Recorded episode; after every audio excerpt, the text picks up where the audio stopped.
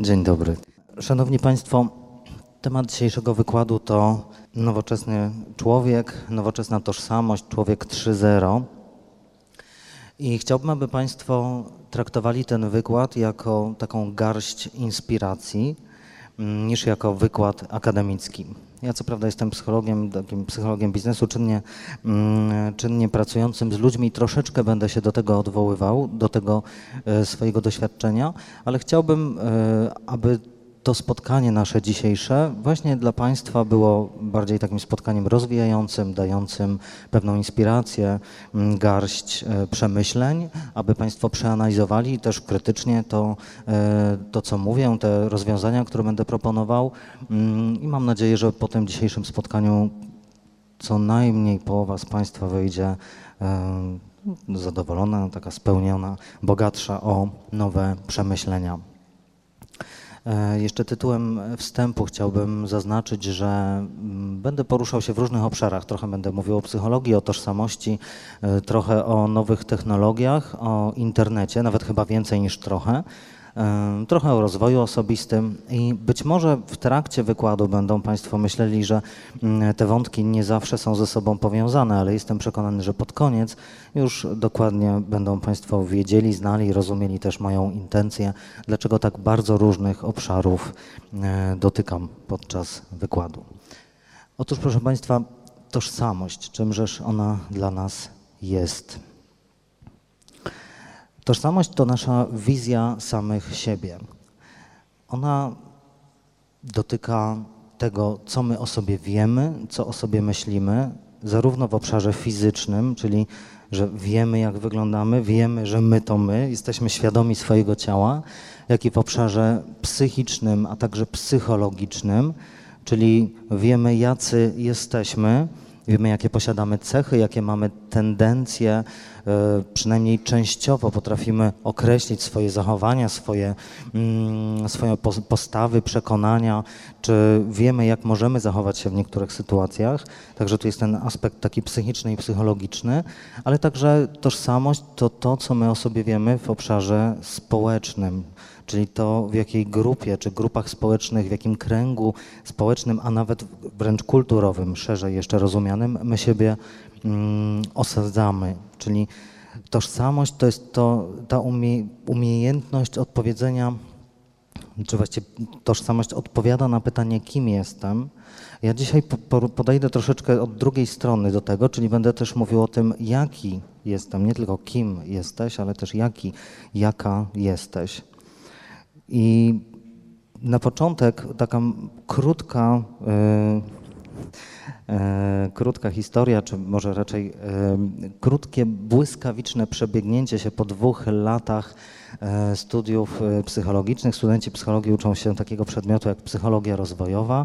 No i tam bardzo szczegółowo dowiadujemy się o tym, mm, jak ten człowiek się rozwija.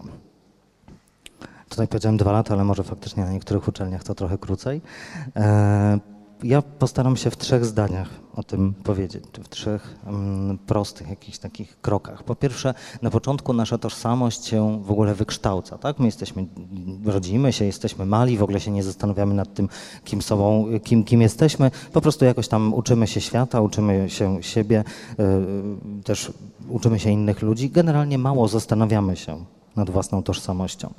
Mniej więcej w okresie 12 roku życia, mówiłem, że będzie szybko, prawda? Od urodzenia do 12 roku życia od razu przechodzimy. Mniej więcej w okresie 12 roku życia zaczynamy nabywać takich umiejętności myślenia abstrakcyjnego, właśnie abstrahować, patrzeć z różnych perspektyw, patrzeć z boku. Porównujemy się oczywiście też do innych. Ci z Państwa, którzy mają w domu jakiegoś gimnazjalistę, za chwilę będą wiedzieli, o czym mówię. Mianowicie wtedy ta nasza tożsamość też zaczyna kreować się poprzez właśnie grupę, grupę rówieśniczą, grupę, do której należymy.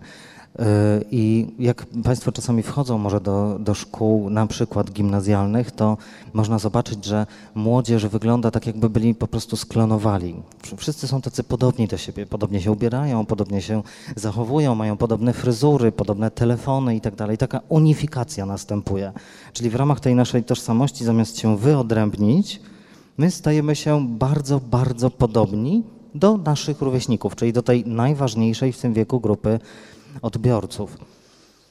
A potem idziemy do szkoły średniej, czy nie idziemy do szkoły średniej, ale nadal, nadal ten rozwój postępuje e, podobnie. W kolejnym etapie edukacji, w kolejnym okresie naszego życia staramy się pokazać, że jesteśmy inni. Już nie jesteśmy wszyscy tacy sami. Teraz chcemy być e, wyjątkowi, czymś się wyróżniać. Chcemy, żeby na nas zwrócono właśnie uwagę. Już nie kryjemy się za tymi włosami spuszczonymi na twarz, czy za tymi dłońmi schowanymi w rękawy, jak to robią nastolatkowie, tylko właśnie chcemy zostać zauważeni. Potem przychodzi ten czas, e, no u wielu teraz Polaków czas studiów, bo jak Państwo pewnie dobrze wiedzą, e, znakomita część, większość Polaków e, po szkole średniej udaje się na studia. I tam można powiedzieć, że my zaczynamy kreować swoją tożsamość na nowo. Ja wiem, że to jest bardzo odważne, co teraz powiedziałem. Pewnie wielu psychologów słuchając tego może mieć tutaj sporo wątpliwości merytorycznych do tego, e, co w tej chwili mówię, ale to świadomie popełniam ten, e, ten wręcz błąd, bo kreujemy swoją tożsamość na nowo w tym kontekście, że my stajemy się dorośli. I stając się dorosłymi, niejako decydując, że właśnie teraz już nie podobają nam się takie ciuchy, już nie, za, nie chcemy zachowywać się tak jak wcześniej, już chcemy być bardziej poważni. My kreując odnosimy się do jakiegoś wzorca.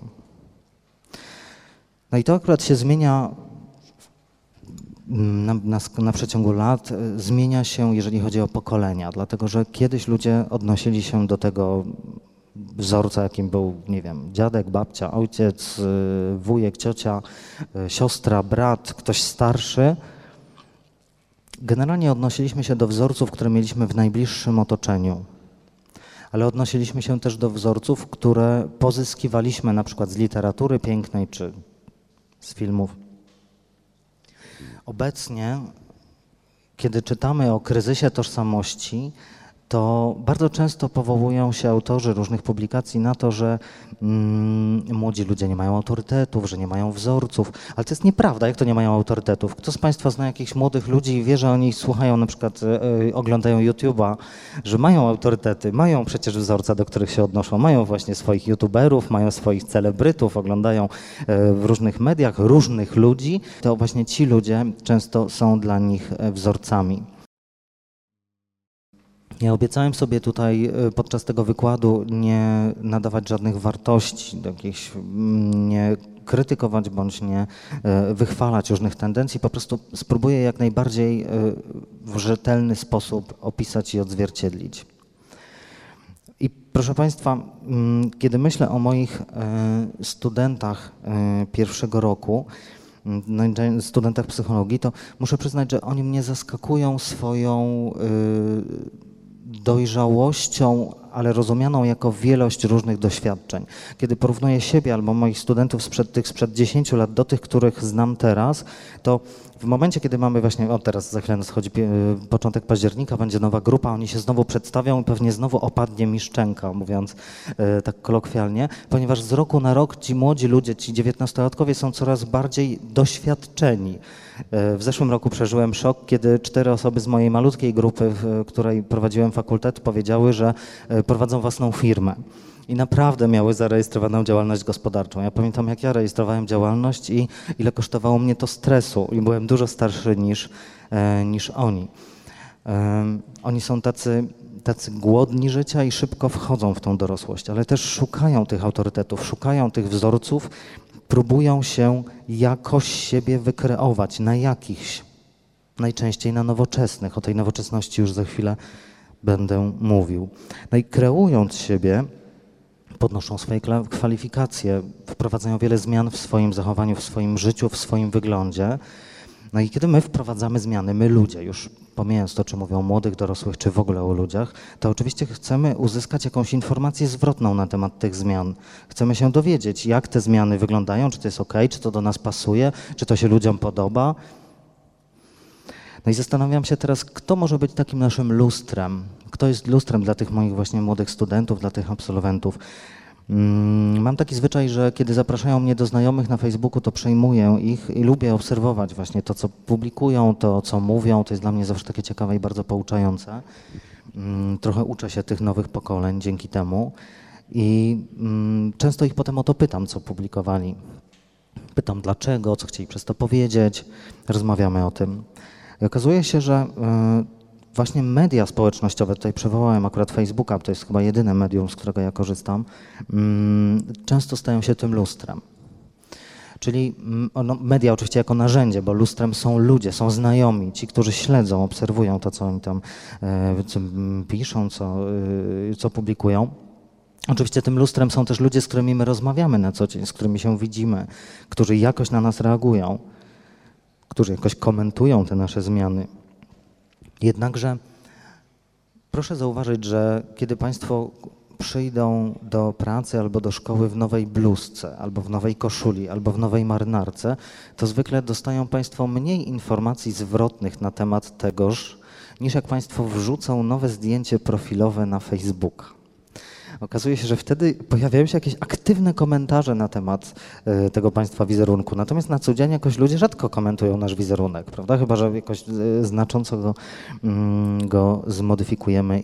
No i okazuje się, że właśnie, zresztą tutaj to, co powiem, pewnie będzie trochę banałem, bo Państwo to dobrze wiedzą, że to, w jaki sposób my kreujemy siebie i odbijamy właśnie w lustrze mediów społecznościowych, to nas w jakiś sposób bardzo uzależnia, bo tam dostajemy dużo informacji zwrotnej tej informacji o tym, jak jesteśmy odbierani, jak inni odbierają, jak inni odczuwają to, co my mówimy i pokazujemy. To jedno. Ale drugie to to, że my też obserwujemy innych. Obserwujemy, co nasi znajomi robią, jak oni wyglądają, jak oni się zachowują, czego oni słuchają, tak, jeszcze idąc tym młodzieżowym bardziej e, tokiem. I oni właśnie dla tych młodych ludzi są też tymi wzorcami. Wzorcami, według których jest kreowana tożsamość. Proszę Państwa, a propos mm, Facebooka, proszę zauważyć, że w ogóle do mediów społecznościowych ludzie częściej wrzucają swoje sukcesy niż porażki.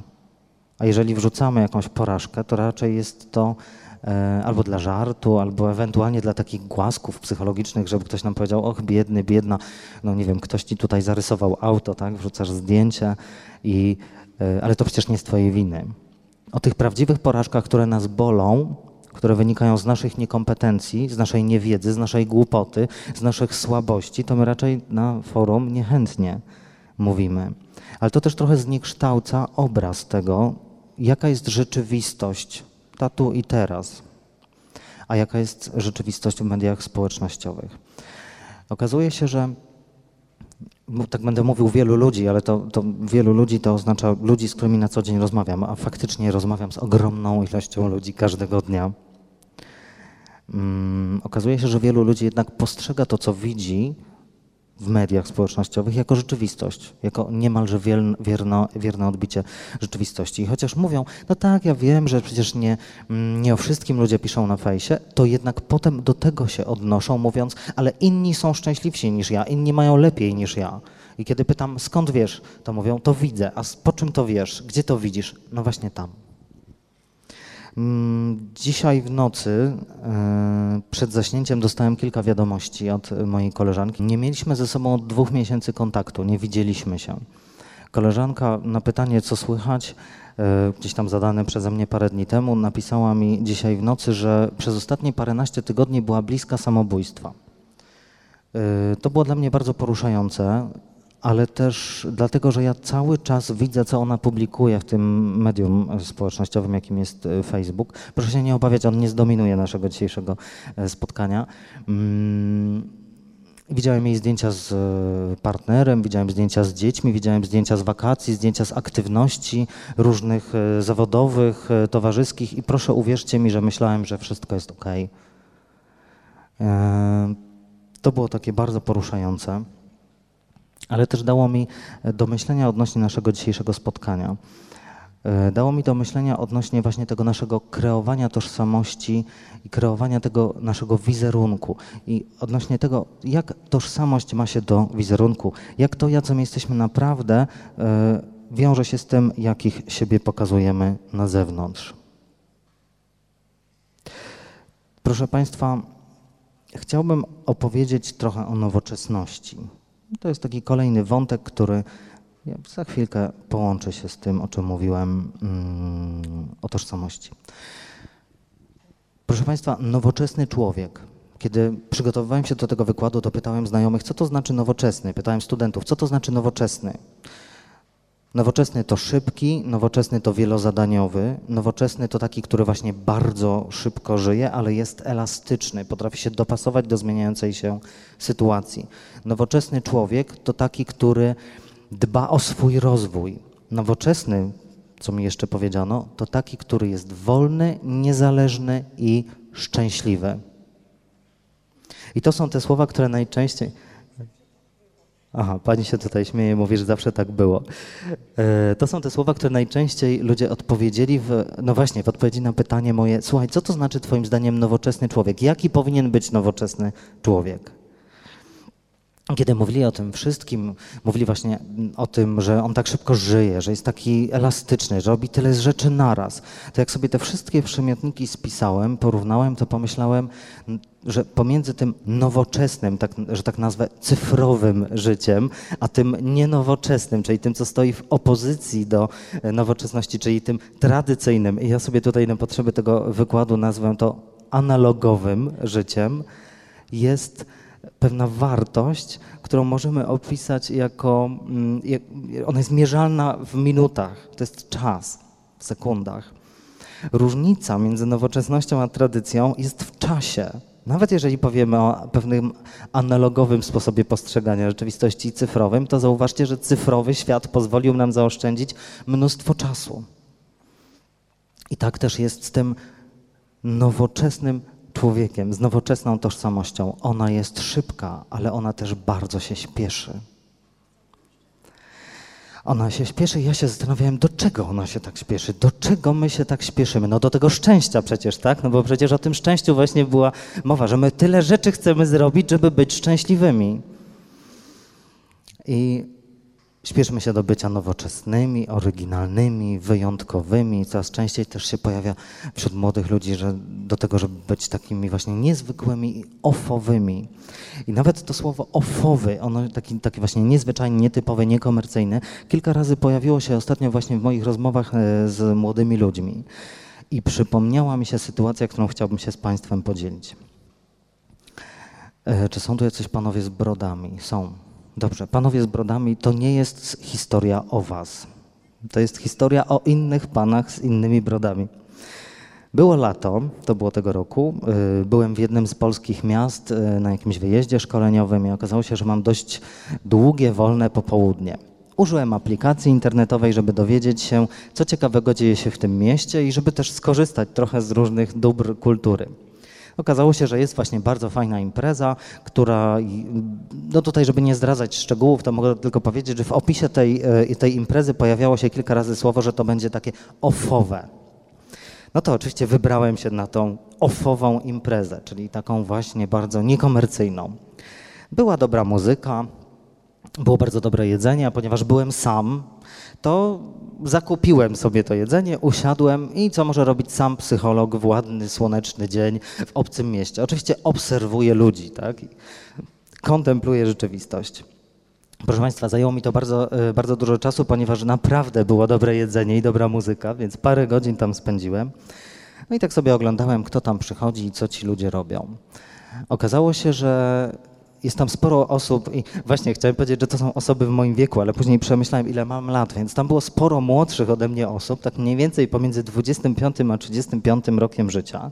Były tam osoby obu płci, dość, e, dość dużo e, osób przychodzących z małymi dziećmi w wieku przedszkolnym, takie ro, ro, rodziny. No i co robili? No, kupowali sobie coś do jedzenia, siadali na leżaczkach, słuchali tej muzyki. No właśnie, to może najpierw od tego, jak wyglądali. Przykuło moją uwagę to, że jest tam bardzo dużo mężczyzn z brodami. Jakaś taka nietypowa ilość, naprawdę, bardzo dużo. więcej niż na ulicy. Na co dzień mijam. Mężczyzn z idealnie przeciętymi brodami, ładnie tak wykręconymi wąsami. E, tam część tak do góry miała wykręcone te wąsy. I pomyślałem sobie, no, no tak, oni są tacy ofowi. E, Wielu z nich też miało tatuaże i mieli modne ciuchy, markowe, modne okulary, markowe. I pomyślałem, to wcale nie jest takie niekomercyjne. Chwila. Co jest? Ta impreza miała być ofowa. Eee, a teraz będzie jeszcze dygresja o tatuażach. Mm, zauważyłem, że wielu ludzi miało tam tatuaże. I w ogóle pewnie Państwo też zauważyli, a może coś ostatnio czytali, że coraz więcej młodych ludzi ma tatuaże. I pomyślałem sobie o tatuażu jako też takim elemencie e, mówiącym o tożsamości. Kiedyś to, tatuaże miały pokazywać, do jakiej grupy przynależymy. Potem tatuaże przez wiele lat e, w połowie XX wieku i pod koniec kojarzyły się z grupami więziennymi, prawda? Czyli tutaj więźniowie sobie robili tatuaże. Pamiętam, jak ja zrobiłem sobie tatuaż i mama mi powiedziała, ale jak to teraz będą myśleli, że siedziałeś w więzieniu? To było dawno temu, to było właśnie w XX wieku. Natomiast e, to jakoś określało tą przynależność do grupy. Obecnie mnóstwo ludzi robi sobie tatuaże, no i po rozmowach z tatuażystami, ja kilka miałem przyjemność przeprowadzić, dowiaduję się, że nawet ich to trochę irytuje, że te tatuaże są takie modne. Z jednej strony fajnie, bo mają dużo pracy, z drugiej strony teraz już trudno znaleźć młodego człowieka bez tatuażu. Ale ten tatuaż miał w jakiś sposób na stałe na twoim ciele umieścić jakąś wiadomość jakiś znak, jakiś tekst, jakiś symbol, jakiś element, nie wiem, sztuki, jakiś, jakąś ideę, którą ty, człowieku, chcesz całe życie nieść ze sobą, więc to musi być niezwykle ważne dla ciebie. Mm, I te tatuaże z jednej strony mają nas właśnie jakoś mm, wyróżniać od innych, a z drugiej strony popatrzcie, jaki jest paradoks. Nagle z jednej strony wyróżnia nas treść tego tatuażu, a z drugiej strony za chwilę wszyscy mamy te tatuaże, czyli bardzo wielu nas, z nas ma je, więc stajemy się podobni trochę do tych właśnie gimnazjalistów, którzy z jednej strony chcą być inni, a z drugiej strony są tak bardzo tacy sami, jak cała ich grupa. Mam nadzieję, że nie czujecie się urażeni ludzie z brodami i tatuażami. Ja też jestem człowiekiem z brodą, co prawda niewidoczną, ale, ale też i, i, i z tatuażami. Ale pomyślałem, że warto poruszyć tą mm, dygresję tatuażową. Natomiast proszę Państwa, wracając do tego miejsca y, ofowego, gdzie siedzą sobie ludzie z, y, z mężczyźni z brodami, z kobietami i dziećmi. Nie chodzi tylko o ich wygląd, ale też o to, co tam się działo. Wielu z nich po prostu patrzyło w telefony. To był bardzo ładny dzień. Tam była dobra muzyka i pyszne jedzenie. I obok była kobieta i było dziecko, a oni się po prostu bezczelnie gapili w telefon. I to było dla mnie bardzo smutne. Bardzo smutne wydarzenie i bardzo smutna obserwacja. Mm, I naprawdę, proszę mi uwierzyć, siedziałem tam parę godzin i było tam mnóstwo ludzi. I ja nie mówię o zachowaniu dwóch czy trzech. I tak sobie pomyślałem, że to właśnie, że to przykre. Że z jednej strony idziemy gdzieś w jakieś miejsce, w którym ma być przyjemnie, z drugiej strony my nie jesteśmy w tym miejscu, tylko jesteśmy całkiem gdzie indziej, w jakiejś wirtualnej rzeczywistości. Rozmawiałem o tym z moim kolegą e, Rafałem Żakiem, on jest mówcą motywacyjnym. Mówię, Rafał, Słuchaj, co ty o tym myślisz, bo przygotowuję się do wykładu.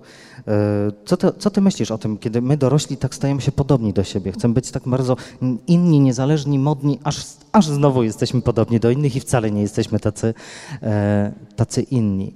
No i Rafał to skwitował czymś, e, co zupełnie nie ma już związku z brodą. Powiedział, słuchaj, my to w ogóle mm, tracimy czas w naszym życiu nie tylko na przecinanie tej brody, ale też na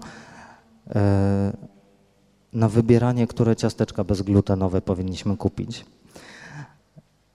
I zajmujemy się bzdurami. Proszę Państwa, hmm, chciałbym jeszcze powiedzieć o, o tej prędkości, o tym poszukiwaniu, poszukiwaniu siebie, o tym szybkim życiu, o tym szukaniu tożsamości, także w aspekcie prędkości życia i tego, że im szybciej żyjemy, tym wyodrębniają się coraz bardziej radykalne grupy, które chcą żyć wolniej. O co chodzi? Na pewno Państwo zauważyli, że im więcej ludzi krzyczy białe, tym więcej ludzi będzie chciało krzyczeć czarne. Im bardziej mamy skomercjalizowaną edukację, tym więcej osób będzie chciało uczyć dzieci w edukacji domowej. Jest tak czy nie? Kiwacie głowami. E, no tak. Im bardziej plastikowe i byle jakie jedzenie mamy w sklepach, tym więcej osób będzie zamawiać u rolnika albo kupować eko żywność. Mhm. Albo piec samemu chleb, tak, zgadzam się z Panią. E, proszę Państwa, i tutaj chciałbym zrobić taką dużą, dużą dykresję, duży przeskok do języka. Podam Wam dwa słowa, które są obraźliwe, które są agresywne w swojej wymowie, które zostały stworzone parę lat temu i które właśnie pokazują, jak język opisuje rzeczywistość, między innymi na potrzeby tworzenia się takich właśnie ruchów, takich tak zwanych reaktywnych, czyli w reakcji na coś my robimy inaczej. Znacie Państwo takie słowo jak katotalibowie? Znacie, ono jest agresywne, prawda? Jest bardzo negatywne i negatywnie po, y, opisuje pewną grupę. A znacie takie słowo jak ekoterroryści? Też znacie, kiwacie głowami. Zobaczcie, powstawanie takich słów pokazuje, że są pewne grupy, które są przez inne grupy tak nazywane i że gdybyśmy zastanowili się nad tymi dwiema grupami, to to są grupy, które mają jakieś mm, wartości i tak sobie pomyślałem, że te wartości właśnie one są związane z nawiązaniem do pewnej tradycji, do natury, do, są związane z tym zatrzymaniem tego pędzącego do przodu świata, tej komercjalizacji. One są jak najbardziej agresywne w swojej wymowie i nie powinniśmy ich, e, ich używać, ale chciałem nawiązać do tego, że język pokazuje, że są grupy, które chcą zatrzymać ten pęd człowieka ku nowoczesności. A jak w ogóle świat odpowiada nam na ten pośpiech człowieka? Jak świat odpowiada na to, że człowiek chce być taki nowoczesny, taki niezależny, taki wolny, taki szczęśliwy, taki dbający o siebie, taki pędzący do przodu? Otóż świat nam na to odpowiada wirtualną rzeczywistością Web 3.0. I to będzie ten trzeci wątek. Pierwszym to był, była tożsamość, drugim nowoczesność, a trzecim jest Web 3.0, o którym wiele osób w ogóle nie wie, co to oznacza. A skąd to wiem? Bo kiedy pojawił się na Facebooku tytuł wykładu, to ludzie mówili, słuchaj, to fajne, ale o czym to jest w ogóle? O co chodzi z tym Web 3.0? No to się wyedukowałem. Otóż chodzi oczywiście o internet, a właściwie może trochę szerzej o, o technologię. Kiedy internet powstawał, to był to taki świat 1.0. Można powiedzieć, że była to wirtualna elektroniczna gazeta. To było miejsce, w którym można sobie czytać jakieś treści, które ktoś zamieścił, ewentualnie później, jak już ktoś się nauczył, to też mógł zamieszczać te treści. A użytkownik internetu był tym biernym odbiorcą. Po prostu czytał. Miał tylko dostęp do wielu różnych treści na całym świecie i tym różnił się właśnie internet od gazety. Potem pojawiła się ta Mm, epoka mediów społecznościowych. To jest właśnie internet Web 2.0. Dobrze go znacie. Tam odbiorca stał się jednocześnie nadawcą. Tam odbiorca może w żywy, aktywny sposób 24 godziny na dobę współtworzyć treści, które się dzieją, poprzez komentarze, poprzez wrzucanie swoich treści, swoich zdjęć. Tam e, różne marki, różne firmy e, komunikują się na co dzień ze swoim odbiorcą, konsumentem. Tam ten konsument może zgłosić reklamację, czyli oznaczyć jakąś firmę na Facebooku i powiedzieć: Słuchajcie, co się dzieje? Dostałem od Was jakiś tam, nie wiem, niedziałający produkt, a ta firma błyskawicznie może zareagować, przeprosić i wysłać lepszy produkt i jeszcze zrobić sobie dobry PR. Tam możemy zamówić na e, szybko pizzę, znaleźć e, dziewczynę, prawda? Tutaj zlokalizować, gdzie jest jakaś fajna dziewczyna w promilu, e, w, w promieniu, w promilu, w promieniu kilometra i spróbować umówić się na randkę i tak dalej. Bardzo interaktywna rzeczywistość 2.0. To w takim razie czym jest 3.0? To jest coś, do czego zmierzamy. Ja teraz Państwu przedstawię to w katastroficznych barwach ale tylko dlatego, żeby później dobrze nawiązać tym do budowania nowoczesnej tożsamości. Proszę Państwa, Web 3.0 to nic innego jak nowoczesne technologie. My już mamy ich przedsmak. To są technologie, które obserwują, zbierają dane, zapisują, analizują te dane i na ich podstawie wyciągają, stąd słowo inteligentne, wnioski na nasz temat i podsuwają nam sugestie, tudzież gotowe rozwiązania. Zbierają dane, oczywiście nie tylko w postaci ciasteczek, czyli tych cookies, które zapisują się w naszej przeglądarce, przeglądarce internetowej, kiedy śledzimy jakieś treści. Słuchajcie, to to już jest w ogóle archaiczne. Zbierają dane w zupełnie, e, znaczy nie w zupełnie, tak też, ale też jeszcze w inny sposób. Kto nosi smartwatcha? Ręka do góry. Noście czy nie? Ach, no po prostu co za grupa, analogowa niemalże. Proszę Państwa, my mamy e, coraz więcej urządzeń, które dają serwerom informacje na nasz temat. Nie tylko co lubimy i co oglądamy, to jest zbyt banalne, tak? Jakiego tam, nie wiem, oglądasz czy śledzisz polityka na Facebooku, to byłoby naprawdę zbyt banalne. Przede wszystkim sprawdzają, co kupujemy, kiedy płacimy kartą, w jakich sklepach, gdzie się przemieszczamy, jak długo spędzamy w nich czas. Geolokalizacja tutaj się kłania. E, ale nawet jeżeli macie ją wyłączoną, to są też inne sposoby na to, żeby to sprawdzić.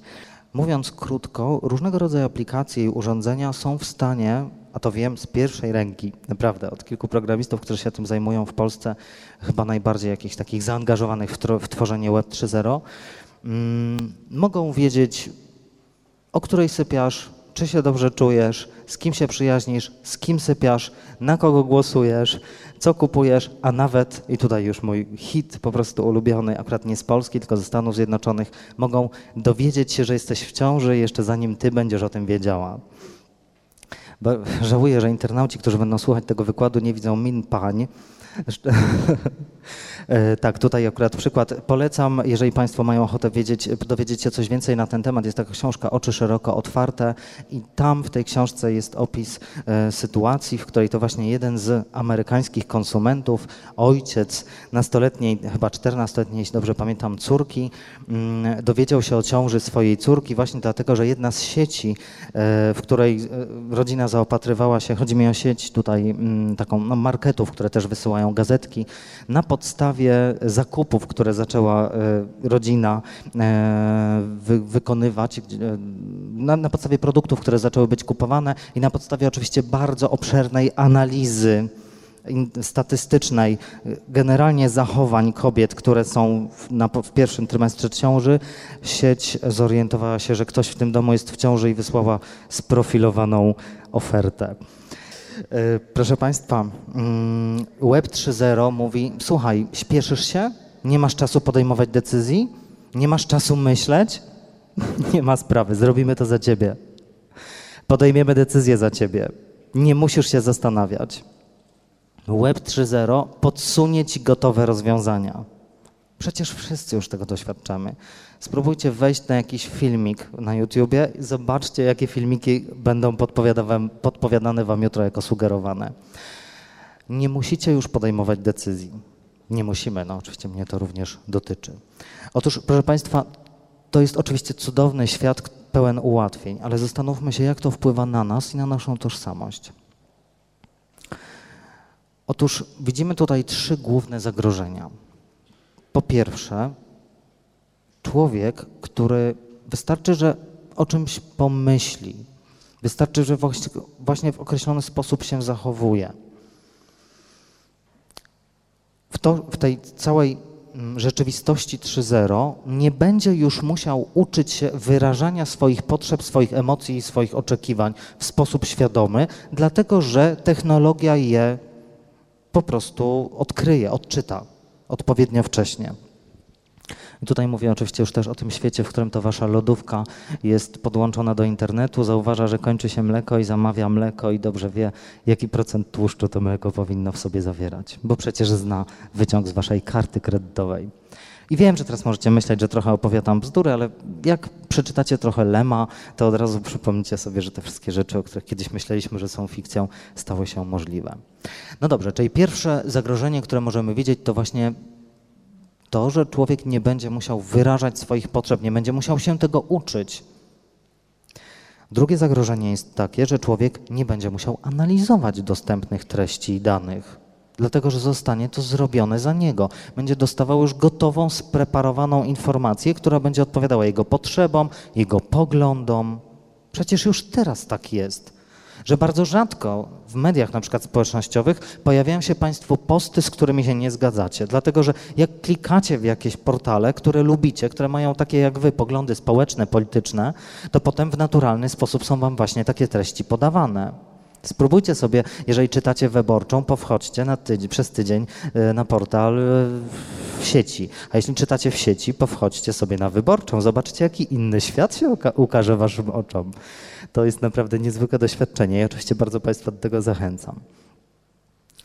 Proszę Państwa, e, byłem jakiś czas temu świadkiem kilku spotkań grupy, która składała się z programistów, info, z programistów informatyków i psychologów. Ta grupa pracowała nad stworzeniem e, aplikacji, nazwijmy sobie to ogólnie aplikacji randkowej. Będę o tym mówił bardzo ogólnie, żeby nie zdradzić szczegółów, których na pewno by sobie nie życzyli.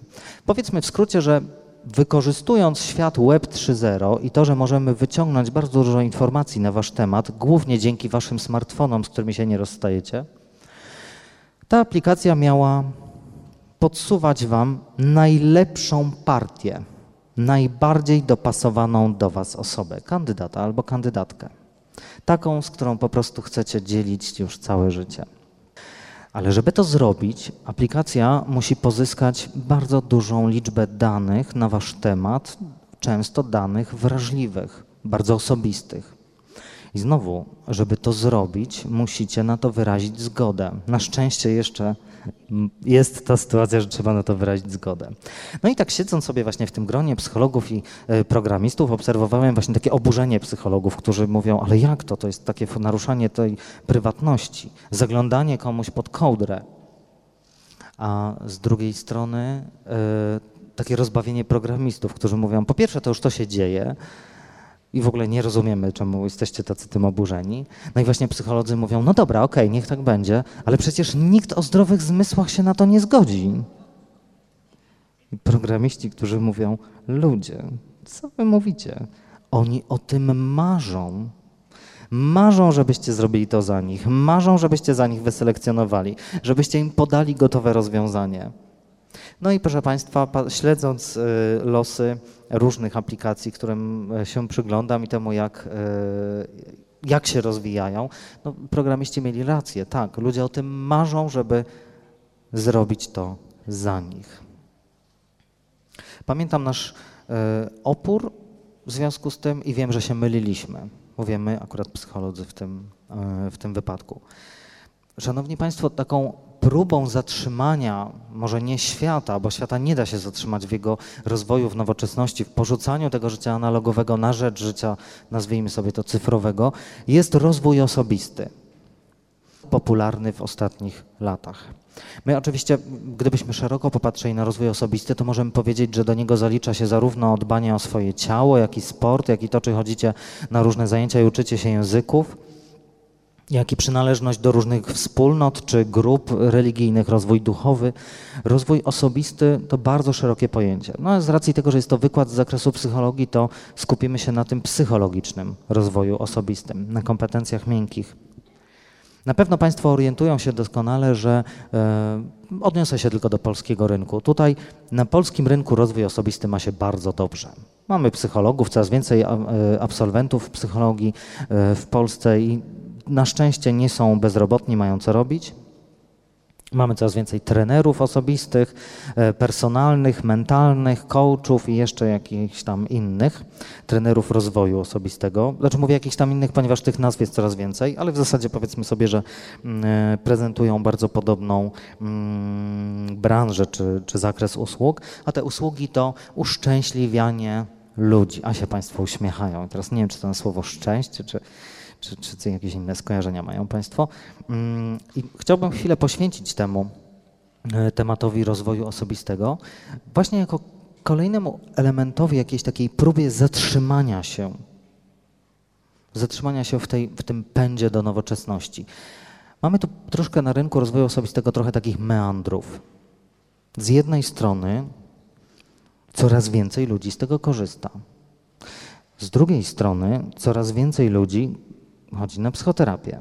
Czyli coraz więcej osób chce być szczęśliwych, coraz więcej osób popada w depresję. Mamy tutaj jakieś takie, takie niespójności, ale zastanówmy się też, co to oznacza, że ludzie korzystają z usług rozwoju osobistego. Czy to znaczy, że jest nam już tak dobrze, że jesteśmy tak zadowoleni, że mamy taki dobrobyt, że mamy czas i pieniądze, że teraz jeszcze możemy się zająć sobą, że możemy chodzić na wykłady w sobotę, tak jak Państwo tutaj dzisiaj, że my możemy chodzić na różne warsztaty, że możemy chodzić do psychologa, terapeuty, coacha. Czy to, że korzystamy z usług rozwoju osobistego oznacza coś dokładnie odwrotnego, czyli że mamy kryzys tożsamości, że nie wiemy, kim jesteśmy, jacy jesteśmy i czego chcemy i dlatego chodzimy do coacha? Ja nie wiem, jaka jest odpowiedź, ale chciałbym, żebyście to wy się nad tym zastanowili. Ja mam też troszkę skrzywione postrzeganie, ponieważ do mnie najczęściej przychodzą osoby, które mają jakiś problem, w związku z czym trudno mi mówić o tym, jak jest tam na zewnątrz, w tym realnym świecie, bo spotykam się z ludźmi, którzy mm, reprezentują powiedzmy jakąś konkretną grupę. Warto się nad tym zastanowić, czy popularność rozwoju osobistego oznacza kryzys tożsamości, czy oznacza dobrobyt i rozkwit w tym budowaniu swojej tożsamości. Najczęściej e, przy rozwoju osobistym pojawia się teraz takie określenie jak strefa komfortu. Różni e, ci doradcy, doradcy życiowi mówią wyjdź ze swojej strefy komfortu, czyli żeby coś zmienić, to musisz ruszyć się z miejsca, e, zrobić rzeczy nowe. W ogóle zmiana przecież powoduje opór, więc jeżeli ty teraz uczysz się czegoś nowego, to na pewno jest ci nieprzyjemnie i to jest właśnie to wyjście poza sferę komfortu, czy tam strefę komfortu. To jedno. Ale z drugiej strony, kiedy obserwuję rzesze ludzi, naprawdę, uwierzcie mi, ja poznaję kilkadziesiąt osób dziennie, mm, rozmawiam z nimi, słucham ich, to widzę, że ludzie nie wychodzą z tej strefy komfortu, tylko siedzą na swoich wygodnych fotelach, włączają jakiegoś mówcę motywacyjnego na YouTubie i słuchają o rozwoju osobistym, jednocześnie licząc na to, że to coś zmieni, to trochę tak, jakby przeczytać podręcznik jazdy konnej, ale nigdy nie wsiąść na konia i liczyć na to, że się będzie dobrze jeździć. E, oczywiście można traktować te wykłady jako inspirację, jednakże bez zmiany, bez realnej aktywności nie da się niczego zrobić. Proszę Państwa, e, powiedziałem o meandrach i chciałbym Państwa troszeczkę prze, przestrzec, albo raczej pomóc Państwu nie pogubić się na rynku rozwoju osobistego. Jednym z rodzajów wykładów są takie wykłady, w których ludzie będą mówić wam, jesteście wyjątkowi. Jesteście wyjątkowi, jesteście niezwykli, jesteście niepowtarzalni i możecie wszystko. Możesz mieć samochód, możesz mieć helikopter, możesz mieć wszystko, co chcesz. I teraz, proszę Państwa, tak, to jest prawda. Jesteście wyjątkowi. Nie ma drugiej takiej osoby jak Wy i nie ma drugiej takiej osoby jak ja. Więc w pewnym sensie też jesteście niepowtarzalni ale to nie oznacza, że możecie wszystko. Nie możecie wszystkiego. Macie pewne ograniczenia. I ja też mam pewne ograniczenia, wszyscy je mamy. Spotykam ludzi, którzy nasłuchają się tych wszystkich rzeczy, a potem wiecie, co się dzieje? Wracają do szarej rzeczywistości i z jakiegoś powodu ta szara rzeczywistość mówi im: Słuchaj, nie potwierdzam tego, że jesteś tak wyjątkowy, że możesz wszystko. Nie potwierdzam tego. A wiecie dlaczego? Bo w tej szarej rzeczywistości szef jest niezadowolony, mąż marudzi, żona marudzi, dziecko płacze, na koncie nie ma pieniędzy, coś tam się dzieje, ktoś choruje, ktoś się rozwodzi, deszcz pada. I wtedy istnieje ryzyko popadnięcia w, taką, w takie zjawisko, które też bardzo fajnie pokazuje, jak język opisuje rzeczywistość, mianowicie mm, istnieje ryzyko pozostania tak zwanym ćpunem rozwojowym. Ćpun rozwojowy to taki, który właśnie chodzi na warsztaty, posłucha różnych rzeczy na swój temat, tak się mega pozytywnie doładuje, usłyszy właśnie o tym, jaki jest ważny i dobry i wyjątkowy, potem wraca do szarej rzeczywistości, ona go tam bije po głowie, wobec czego ucieka z tej szarej rzeczywistości zamiast ją zmienić, ucieka gdzie? Znowu na warsztaty, tak na wykłady. Znowu na, do usług rynku rozwojowego, po to, żeby się znowu doładować. To nie jest złe, to jest ok, pod warunkiem, że po tej po, po powrocie do rzeczywistości i stwierdzeniu, że ona nam się nie podoba, zaczniemy coś z nią robić. Wtedy jest to jak najbardziej ok. Ale często, kiedy trafiają do mnie osoby, które mówią, że właśnie już przeszły tę drogę, czyli takiego bardzo pozytywnego naładowania się na różnych spotkaniach, a potem tego kopnięcia w głowę w rzeczywistości, te osoby mówią, że nie potrafią już inaczej. Ja pytam, dlaczego? Dlatego, że myślę o sobie źle i chciałbym, żeby ktoś pokazał mi, że jestem coś warty, że jestem wartościowy. O tym poczuciu wartości zaraz będę mówił, ale chciałbym jeszcze chwilkę, małą dygresję, znowu wrócić do młodych ludzi i do moich studentów. Podczas prowadzenia zajęć te, o tematyce personal branding, czyli jak budować własną markę na rynku y, usług psychologicznych, czy wykonując wolny zawód, bo takie akurat prowadzę zajęcia dla studentów, mm, zauważam, że im młodsi studenci, kolejne roczniki, tym wcześniej chcą zacząć, tym wcześniej budują własną markę. Kiedyś robili to po piątym roku studiów, czy na piątym, teraz już na pierwszym roku na przykład zakładają swoje fanpage'e. No jejku, znowu ta mina, kurczę, pani się tak uśmiecha szeroko i nie będzie tego widać w internecie. Szkoda. Tak, proszę Państwa, e, nie wiem, czy Państwo to też dostrzegają. Ja jestem człowiekiem uprawiającym wolny zawód i wśród swoich znajomych mam wielu ludzi uprawiających wolny zawód i zauważam, że faktycznie tak jest, że wielu z nas sprzedaje swoje usługi budując markę, markę osobistą, markę personalną. I nie jest to dziwne, bo w ten sposób rozwija się e-marketing. Tak? Tak, tak działają media, tak działa internet. E, dzięki temu też ludzie mogą sprzedawać swoje usługi poprzez e, marketing szeptany. Ale popatrzcie, to budowanie marki personalnej jest bardzo bliskie tożsamości, pokazywaniu i budowaniu swojej tożsamości, na przykład zawodowej. Jest taki dziennikarz, to, aktor, dziennikarz, trener, trudno mi teraz powiedzieć, komentator polityczny, e, nazywa się Mirosław Oczkoś.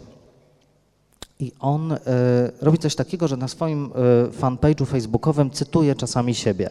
Najczęściej cytuje inne osoby, y, jakichś znanych, znane postaci, ale zdarza mu się zacytować siebie. W ten sposób podbija i buduje swoją markę personalną. Mnie to generalnie nie dziwi, ale ostatnio zauważyłem, że coraz więcej osób, nie wiem czy Państwo macie takie doświadczenia, ja je mam i jest to dla mnie naprawdę zaskakujące i dziwne, coraz więcej osób na swoich prywatnych profilach cytuje siebie. Naprawdę. Cytują siebie i podpisują swoim nazwiskiem. I to potem udostępniają. I tak sobie pomyślałem, że ciekawe, czy to jest właśnie e, kolejny ten obszar, który dostrzegam przy nowoczesnym człowieku, czyli takie rozdmuch, rozdmuchiwanie swojego ego.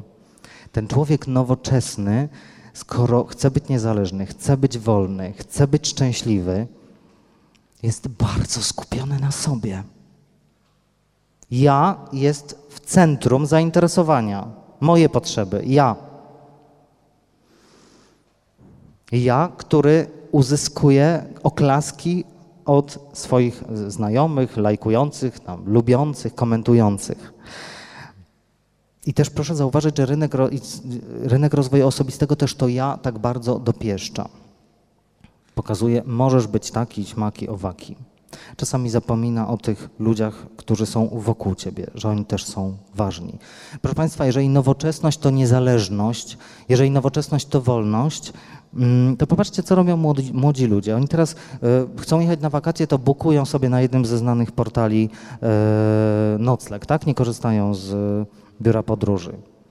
Chcą być wolniej, trochę dorobić, to i tutaj nie będę już może też podawał nazwy, ale jeżdżą jak taksówka i sobie dorabiają. Ostatnio właśnie dużo używałem e, portalu, który pozwala mm, szybko przemieszczać się z miejsca na miejsce z użyciem czyjegoś samochodu i e, kierowcy i głównie młodzi ludzie, których pytałem, czemu jesteś kierowcą tego PIBIP e, w, te, w tym portalu, to mówili, no bo właśnie cenię sobie niezależność bo mogę fajnie zarobić, bo nikt mi nie mówi, o której godzinie mam przychodzić do pracy, bo nikt mi nie mówi, jak mam być ubrany, bo sam jestem swoim szefem.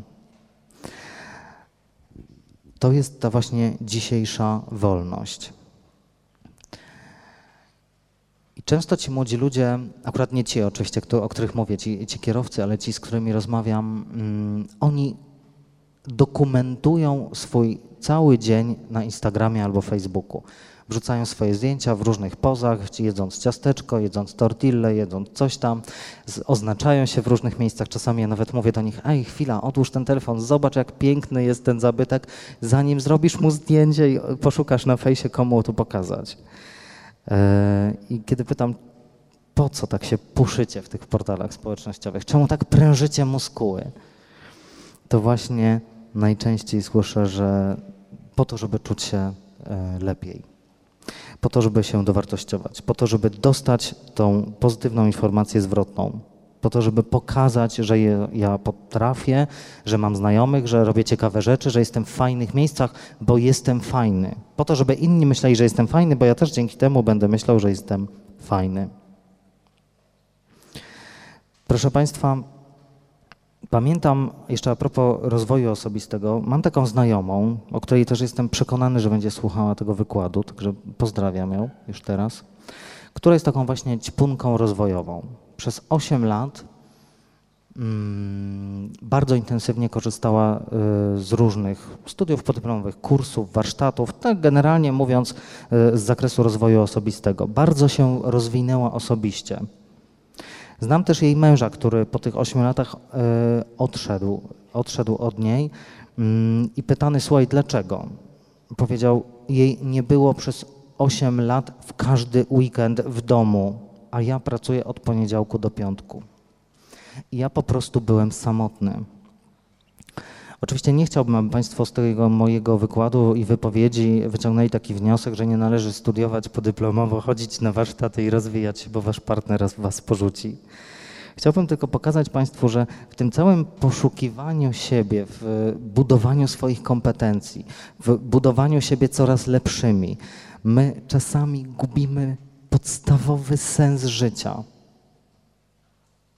Wiem, że tak trochę moralizatorsko, jak kaznodzieja do Państwa mówię, już sam mam takie poczucie, ale czasami myślę sobie, ty przestań już czytać kolejny poradnik o tym, jak się lepiej komunikować z ludźmi, o tym, jak budować bliskość. Odłóż komórkę, na której czytasz memy mówiące o szczęściu. Idź się przytul do kogoś w twoim domu. Rusz się.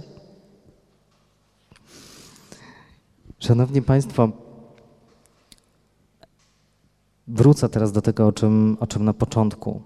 Mówiłem o tożsamości, potem mówiłem o nowoczesnym człowieku, o tym, jak świat internetu odpowiada nasze na nasze potrzeby, o tym, że jesteśmy tak szybcy, że potrzebujemy gotowców, co w efekcie wyłącza nasze myślenie, wyłącza naszą umiejętność analizy, ale też wyłącza naszą samoobronę przed bzdurami, które nam wciskają różni guru rozwojowi i inni.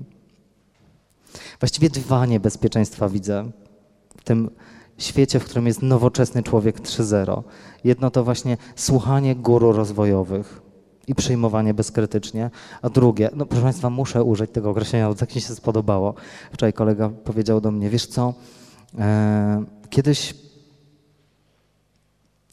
jak człowiek lądował na Księżycu, to pokazywano to w telewizji i przeciętna gospodyni domowa w USA rozumiała ten proces, co tam się dzieje, gospodyni domowa czy mechanik samochodowy. Oni dokładnie rozumieli, na czym polega ta technika i technologia. Dzisiaj, żeby zrozumieć technologię, szukamy informacji w internecie albo właśnie potrzebujemy gotowców, czyli żeby nam to ktoś ustawił, ewentualnie prosimy nasze nastoletnie dzieci, pomóż, bo nie wiem jak to zrobić. I on mówi, dzisiejszy świat potrzebuje takich kapłanów nauki, i pomyślałem sobie, że tak, mamy dwa rodzaje postaci: guru rozwojowi i kapłani nauki, których możemy znaleźć w internecie, których słuchamy i którzy dają nam gotowe rozwiązania, tłumaczą nam ten świat. A ja bym Państwa zachęcał, żeby za każdym razem, słuchając ich, jednak trochę kontestować to, co mówią, trochę sprawdzać, patrzeć krytycznie, nie przyjmować bezkrytycznie, uważać. I to bez, tym bezpośrednio chciałbym nawiązać do świata nowoczesnego, ale też do Web 3.0. Jeżeli nie będziemy myśleć, jeżeli nie będziemy się sami edukować, jeżeli nie będziemy analizować danych, to będziemy głupcami, którym inni ludzie czy inne organizacje będą mówić, jak żyć i jak myśleć. A przed tym bardzo chciałbym Państwa przestrzec. Szanowni Państwo, pomyślałem sobie, że tak nowocześnie jest teraz e, dawać różne rady. To ja też na dzisiaj mam rady. Na przykład też modnie jest powiedzieć, mam pięć sposobów na, albo sześć skutecznych czegoś tam. Chociaż sześć to nie jest taka dobra liczba. Lepiej jest mieć trzy, pięć, siedem, bo jak wiadomo, siódemka jest szczęśliwa, ewentualnie dziesięć. Dziesięć to już taki dekalog i brzmi poważnie. No ale ponieważ troszkę przekory jeszcze we mnie jest, to ja mam na dzisiaj dziewięć dziewięć złotych rad dla Państwa.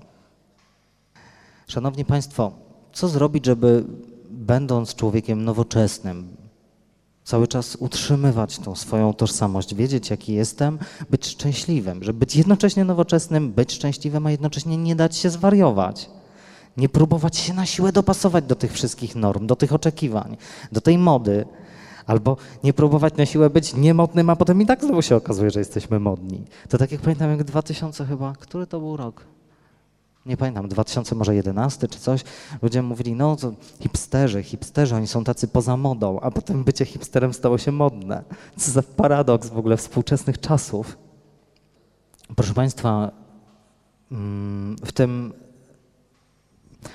szybkim świecie bardzo prosta recepta.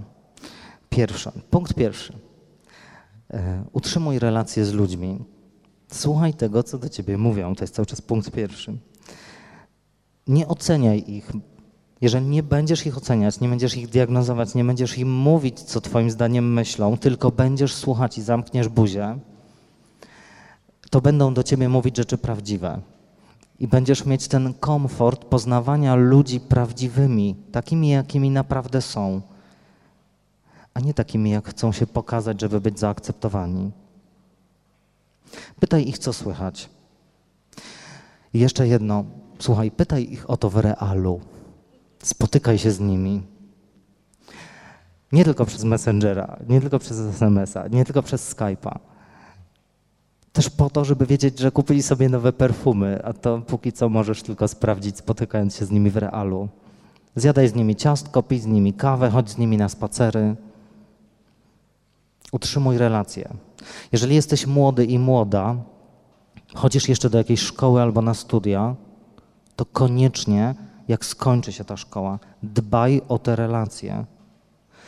Dlatego, że w dorosłym życiu jest trudniej zawiązać przyjaźnie i jest trudniej poznawać nowych ludzi, bo dorośli są zmęczeni, zabiegani i głównie skupieni na pieluchach albo na karierze. Dlatego utrzymuj relacje wiele lat. Odświeżaj też stare relacje. Nawet jeśli ktoś pomyśli, że to dziwne i że pewnie czegoś chcesz, skoro się po roku czy po dwóch latach odzywasz, po prostu zadzwoń nie chcąc niczego, tylko zapytaj, co słychać.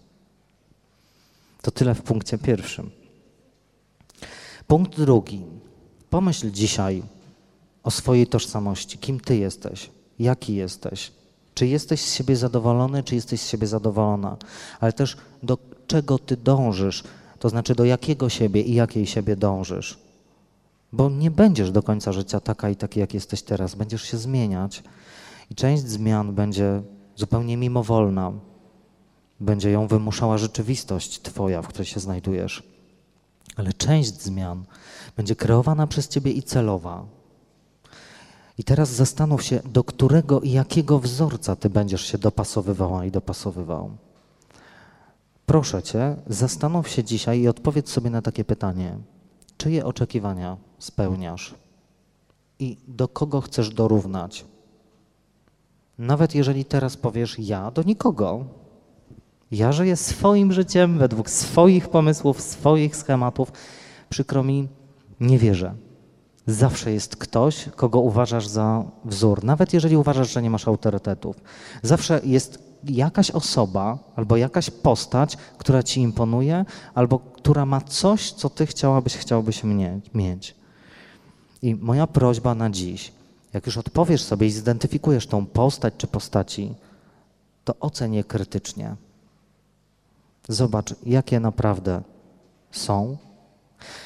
Nie patrz na nie przez różowe okulary. Uwierzcie mi, to co najbardziej mnie dotyka, kiedy pracuję z organizacjami, powiedziałem na początku, że jestem psychologiem biznesu. I tak faktycznie jest, że mam taką, myślę, fajną możliwość, niespotykaną, obserwowania ludzi w firmie, obcej firmie, nie mojej, tylko tam, gdzie wchodzę. Obserwuję ich relacje, obserwuję, jak funkcjonują, czyli obserwuję też, jak się autoprezentują przed innymi swoimi kolegami i koleżankami w pracy, przed swoimi podwładnymi, swoimi współpracownikami i swoimi szefami a potem spotykam się z nimi indywidualnie i słyszę o ich trudnościach, lękach, problemach, kompleksach, zaniżonym poczuciu własnej wartości i jestem w stanie zobaczyć, to jest naprawdę uważam wielki dar ta praca, móc zobaczyć kogoś jak bryluje na forum i jak płacze w kącie, w samotności. Ale teraz zobacz co się dzieje. Ja go potem Zostawiam i spotykam się z inną osobą, która mówi: Ja to bym chciał, chciała być taki szczęśliwy jak on. Ja to bym chciał, chciała być taka odważna, samodzielna, taki, taki, taki jak on. A ja, Bruno, wiem, że on taki nie jest. A jednocześnie wiem, że on pokazuje siebie tak silnego, tak odważnego, tak niezależnego, że powoduje u innych osób poczucie, że są na przykład gorsi, słabsi, nie taki. Oczywiście nie tacy. E, to jeszcze raz odnoszenie, tutaj powiedziałem akurat o przykładzie firmowym, ale chciałbym się jeszcze raz odnieść do mediów społecznościowych. Naprawdę pamiętaj o tym, że ludzie tam pokazują swoje najfajniejsze chwile w życiu. Jeżeli wchodzisz na Face'a i masz potem doła, to wiedz o tym, że to normalne. Badania z 2013 roku pokazują, że ponad 30% osób przebywających na Facebooku ma obniżony nastrój z powodu porównywania się do innych. Także oczywiście wchodzisz, żeby sprawdzić co nowego u innych, ale później nie bij się w głowę i nie posypuj popiołem, że u ciebie tak słabo i tutaj inni chodzą na, jeżdżą na wycieczki, chodzą na wakacje, a ty... Także rada numer dwa. Przyjrzyj się swoim wzorcom, oceniaj je krytycznie. Proszę Państwa, rada numer trzy. Takiej to mam nadzieję, że Państwo jeszcze nie słyszeli w tym tygodniu. Rozmawiaj ze starymi ludźmi. Nowoczesność prędkość życia powoduje, że my porzucamy starych ludzi. Oni są za wolni. Oni nie wiedzą, o co nam chodzi, oni nie rozumieją, nie chce nam się im tłumaczyć, opowiadają jakieś archaiczne rzeczy. Mamo, tato, ty nie rozumiesz, babciu, daj spokój. Przecież znacie to i dobrze wiecie, o czym mówię. Oni do was mówią, a wy przebieracie nogami pod stołem, bo chcielibyście już iść. Albo przebieracie nogami pod stołem ze zniecierpliwienia, albo kukacie lewym okiem w Facebookach, czy tam jakieś inne e, strony, czy SMS-y, które macie właśnie ukryte pod stołem podczas świątecznego obiadu. Rozmawiajcie ze starymi ludźmi, bo oni bardziej rozumieją analogowy świat. Dzięki nim możecie raz na jakiś czas się w niego zanurzyć i trochę się zatrzymać. Chciałbym Wam powiedzieć, że jestem bardzo często na różnych warsztatach, spotkaniach, konferencjach. Ja się ciągle czegoś uczę, ale w ciągu ostatniego miesiąca nie nauczyłem się w sumie na tych wszystkich spotkaniach i czytając te wszystkie książki, które czytałem, tyle, co wczoraj podczas godzinnej jazdy samochodem z moim starszym dużo ode mnie kolegą do Bielska. Jechaliśmy akurat do pracy. Jego po prostu słuchałem. I potem wróciłem do domu i opowiadałem żonie, żonie o różnych inspiracjach, przemyśleniach i o tym, ile mi to dało. Jak pomogła mi zmiana perspektywy w tym, żeby zrozumieć procesy, które dzieją się wokół mnie. Wy rozmawiajcie ze starymi. To rada numer trzy. Przełączajcie się co jakiś czas na tą analogową, analogową funkcję. A jak nie macie wokół siebie jakiejś starej osoby, to po prostu zostawcie telefon i idźcie na spacer do parku. To też jest jakaś forma analogowego przełączenia się. Czwarta rada. Poznawaj siebie i wsłuchuj się w siebie. Wiem, że to banał i wiem, że truizm i teraz mogę brzmieć jak guru, guru rozwoju osobistego. Drodzy Państwo, do tej rady słuchuj się w siebie. To jest oczywiście umiejętność związana z inteligencją emocjonalną. Im lepiej słuchasz siebie, im lepiej czujesz w swoich trzewiach emocje, które właśnie się dzieją w trzewiach, w głowie, w nogach, w karku napiętym, w gardle, tym w lepszym kontakcie z rzeczywistością jesteś. Także wsłuchuj się w siebie, a jeżeli jest ci gdzieś niedobrze, niewygodnie, jeżeli czujesz, że ktoś próbuje cię wcisnąć w nie twoje buty, w zaciasny mundurek, to po prostu zabieraj swoje zabawki i uciekaj stamtąd.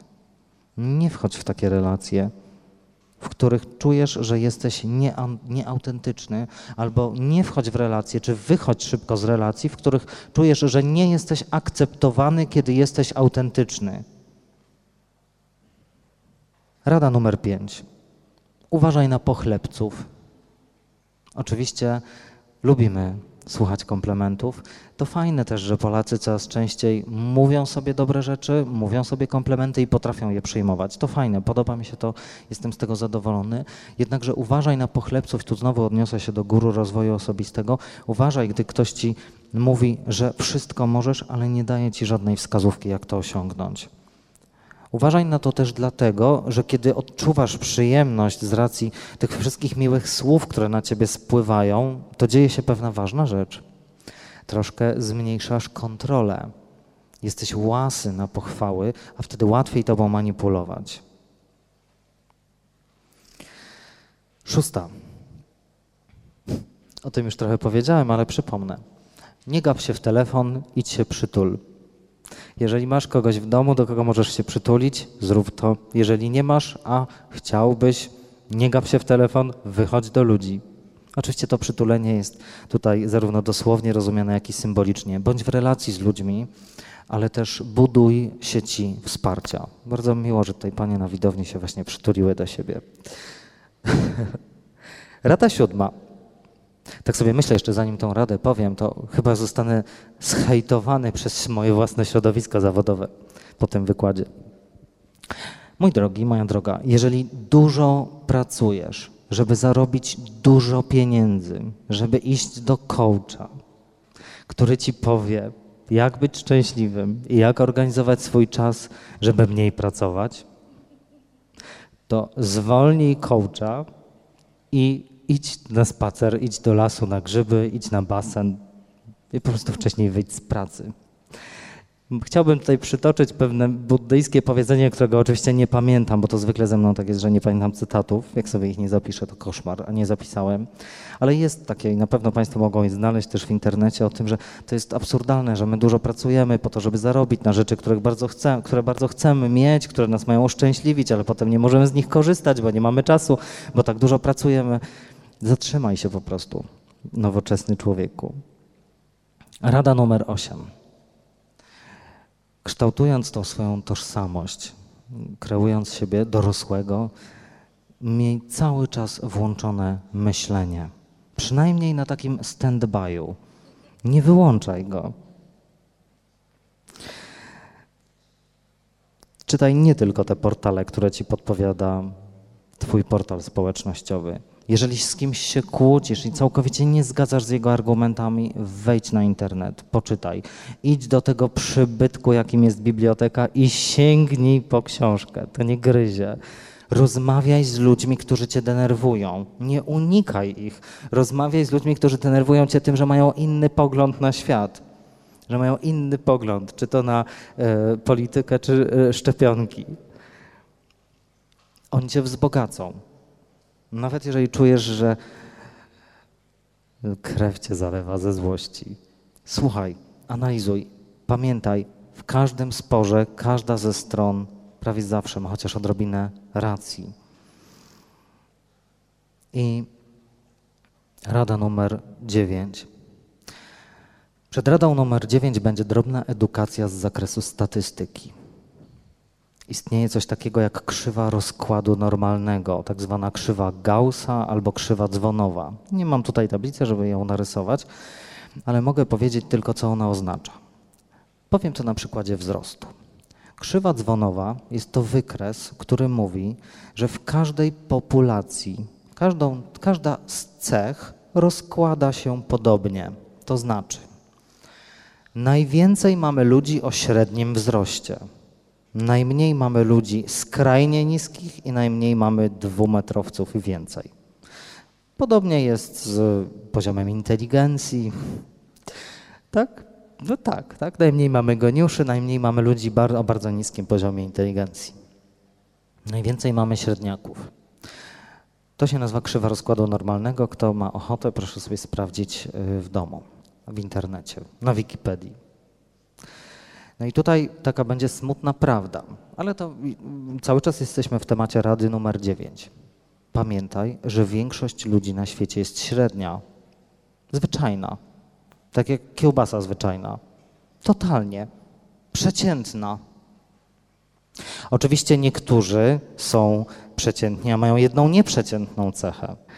Natomiast oczywiście tak jest, że my jesteśmy wyjątkowi, ponieważ nie ma dwóch takich samych ludzi o tym samym kodzie DNA, o tym samym doświadczeniu, o tym z tego samego środowiska, kręgu kulturowego, wyglądzie i tak. Nie ma. Nie ma dwóch identycznych ludzi. I pod tym kątem jesteśmy wyjątkowi i każdy jest inny. Ale to oznacza jedynie tyle, że każdy jest inny ale nie, że każdy jest nieprzeciętny. Pamiętaj o tej różnicy. Nieprzeciętny to co innego niż inny, różny od siebie. I prawdopodobnie w większości cech jesteś średni. Średnia, zwyczajna i zwyczajny. I nawet jeżeli świat i współczesne media i twoi znajomi, którzy są niezwyczajni oczywiście i bardzo chcą, będą powodować, że będziesz starać się być właśnie bardzo nietypowy, niezwyczajny, niezwykły, różny od innych, wyjątkowy, to odpuść sobie. Bądź wyjątkowy dla najbliższych, bądź niezwykły dla tych, którzy cię cenią, kochają, szanują, którzy chcą cię słuchać nie tylko wtedy, kiedy masz pieniądze, nie tylko wtedy, kiedy masz coś fajnego, tylko każdego dnia. Jesteś prawdopodobnie średni i to jest ok. I to jest moja dziewiąta rada. Po prostu zaakceptuj to, że to jest ok. Bardzo Państwu dziękuję.